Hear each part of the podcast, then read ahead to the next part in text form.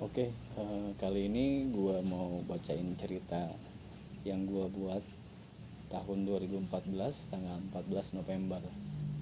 Cerita ini tentang gue dan seseorang yang gue sayangi saat itu.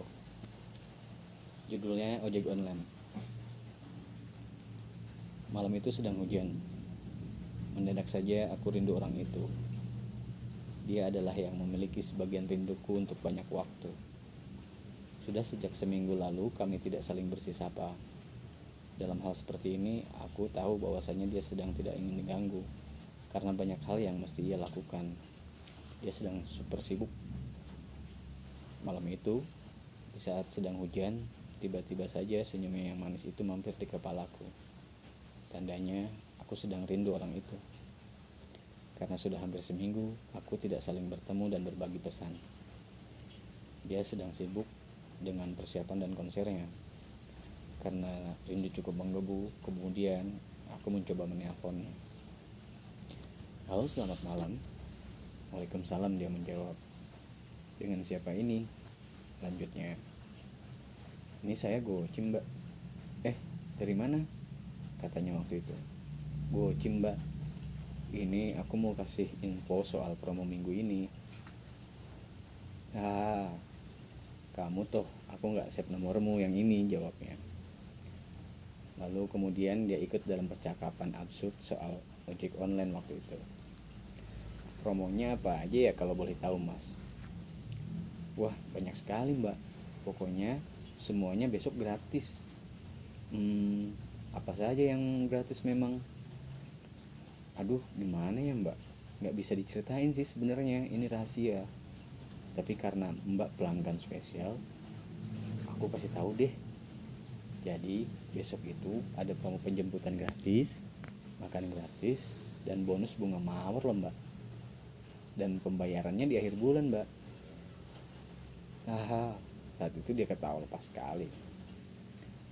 Tenang saja mbak. Bayarnya dicicil kok sebulan seribu ya mas. Jawabnya sambil tertawa.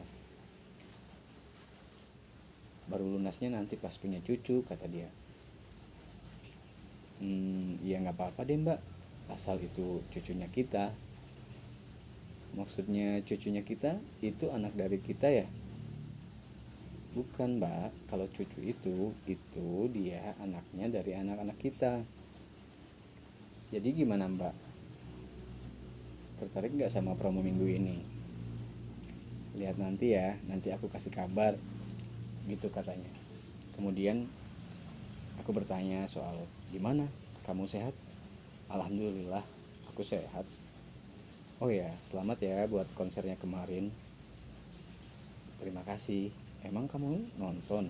Katanya nggak bisa. Hmm, enggak sih. Mau nonton tapi emang nggak jadi karena aku harus balik ke Bogor. Ngapain kamu ke Bogor? Itu biasalah narik. Kemudian dia ketawa jauh amat nariknya sampai ke Bogor. Iya tahu nggak? Sampai sana di cancel lagi. Terus balik lagi di ke Jakarta. Eh sekarang sudah sampai Jakarta narik lagi. Terus di cancel lagi ya mas? Sambil ketawa dia menimpaliku dan itulah dia. Kenapa aku bisa menyayanginya? Dia selalu bisa begitu. Bisa masuk ke dunia yang aku ciptakan. Kami hampir sering bercerita banyak hal berbagi dongeng. Kadang-kadang dongeng yang sangat absurd. Kamu lagi di mana? Tanya aku. Lagi di jalan mau ketemu temen. Hujan gini kamu jalan kaki? Iya kan dekat dari kampus. Cuma mau makan aja kok. Oh eh ini aku sudah mau sampai. Kita udahan dulu ya teleponnya. Nanti kita sambung lagi mas gocim sambil ketawa dia menjawab assalamualaikum. Waalaikumsalam jawabku. Ya itu sepenggal cerita waktu itu. Waktu kami masih muda dan menggebu soal cinta dan kasih sayang tidak melulu soal pelukan atau jalan-jalan cinta juga mampu hadir lewat kata dan cerita-cerita menyenangkan. Karena cinta itu membahagiakan. Jakarta saat hujan dan rindu 14 November 2014